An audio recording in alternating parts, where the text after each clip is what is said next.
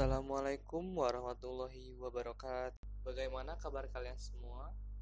Semoga di saat pandemi kali ini kita di, tetap diberikan kesehatan, baik kesehatan jasmani maupun kesehatan rohani.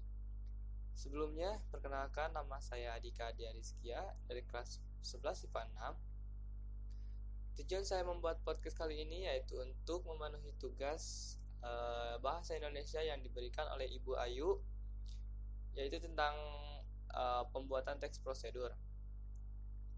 Jadi teks yang saya buat yaitu cara membuat bingkai foto dari kardus bekas.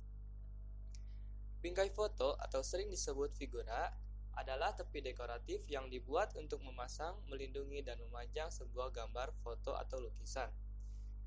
Bingkai foto digunakan untuk memajang foto kesayangan atau foto terbaik kita sebagai suatu kenangan indah.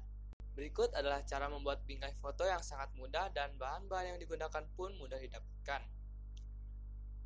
Alat dan bahan yang kita butuhkan yaitu kardus bekas cukupnya, satu buah gunting, kaca, lem secukupnya, satu buah penggaris, dan pensil atau pulpen. Cara membuatnya yaitu langkah pertama, mengukur kardus dengan memakai penggaris yang ukurannya dapat disesuaikan dengan ukuran foto yang akan dipajang. Kemudian, kaca diukur seperti halnya kardus.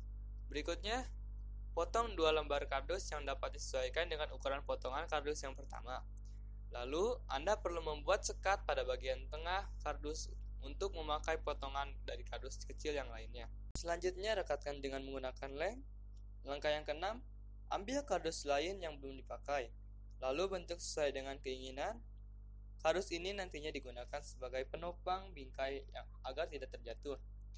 Kemudian langkah yang terakhir adalah pasang kaca pada bagian dalam kardus tersebut. Ukurlah kaca dan kardus secara detail, karena apabila ukurannya tidak sesuai dengan ukuran foto, itu dapat mengurangi estetika dari bingkai foto tersebut. Mungkin itulah tutorial atau cara membuat bingkai foto dari kardus bekas.